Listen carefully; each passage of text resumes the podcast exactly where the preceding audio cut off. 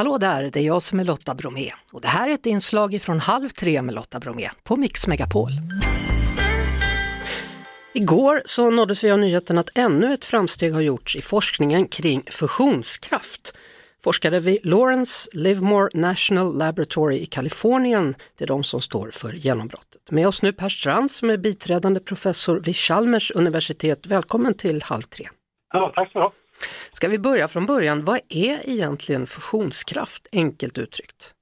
Ja, enkelt uttryckt är det när man slår ihop lätta atomkärnor till tyngre. Till den processen så vinner man energi. I det här fallet slår man ihop väteisotomer till helium. Då. Och det är väl tvärtom vad man gör i våra nuvarande kärnkraftverk där man slår eh, isär tyngre ämnen till lättare och man vinner energi. Det är samma process som man har i solen när den genererar sin energi. Igår då så såg man ju rubriker då som var enorma. Det var liksom det här är den största upptäckten sedan elden, stod det. Ja, det kanske hårdrar lite, men det är ett viktigt resultat. Därför är det första gången man i de här typen av experimenten har fått ut mer energi än vad man stoppade in, så att säga. Visserligen är det någorlunda begränsat sätt, men det är mer energi som gick in till själva bränslet som kom ut i och med att man satte in bränslet som gick in. Då, helt enkelt. Så det är en nettoenergieffekt som man har vunnit här. Vad betyder det här för energiförsörjning till exempel? Det visar att man börjar få teknologin på plats. Vi har ju jobbat länge med detta då och nu har teknologin kommit ikapp löftena kanske man kan säga lite grann. Eh, det är fortfarande mycket kvar att göra för att komma vidare till en kommersiell reaktor efter väldigt mycket utveckling. Man måste så att säga gå från den här energin som skapas till att få ut elektricitet på nätet och det är ett ganska långt steg. Hur lång tid tror du det tar innan vi kan använda det då, rent praktiskt dagligen? Ja, det där kan man ju debattera. Men jag tror att eh, för det första så måste man då bygga en infrastruktur för detta. Och sen så måste man göra väldigt mycket arbete som är rent ingenjörsmässigt.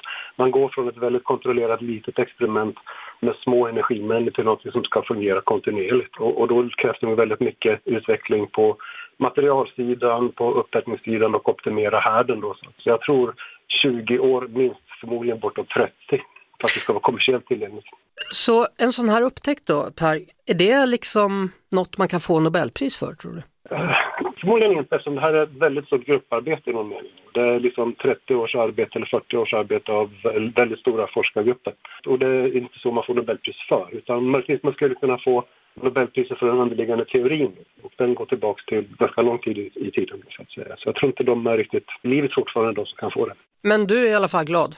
Jag är väldigt glad för detta och jag vill påpeka också att det finns även andra framgångar under året här som gör att man kan vara fog för ännu mer entusiasm. Men som sagt, det är ett långsiktigt projekt men det är väldigt, väldigt viktigt och det kan fullständigt förändra vårt sätt att se på energi i framtiden. Vi hörs såklart på Mix Megapol varje eftermiddag vid halv tre. Ett poddtips från Podplay. I podden Något Kaiko garanterar östgötarna Brutti och jag, Davva, dig en stor dos skratt. Där följer jag pladask för köttätandet igen. Man är lite som en jävla vampyr. Man har fått lite blodsmak och då måste man ha mer. Udda spaningar, fängslande anekdoter och en och annan arg rant. Jag måste ha mitt kaffe på morgonen för annars är jag ingen trevlig människa. Då är du ingen trevlig människa, punkt. Något Kaiko, hör du på Podplay. Därför är gardinerna.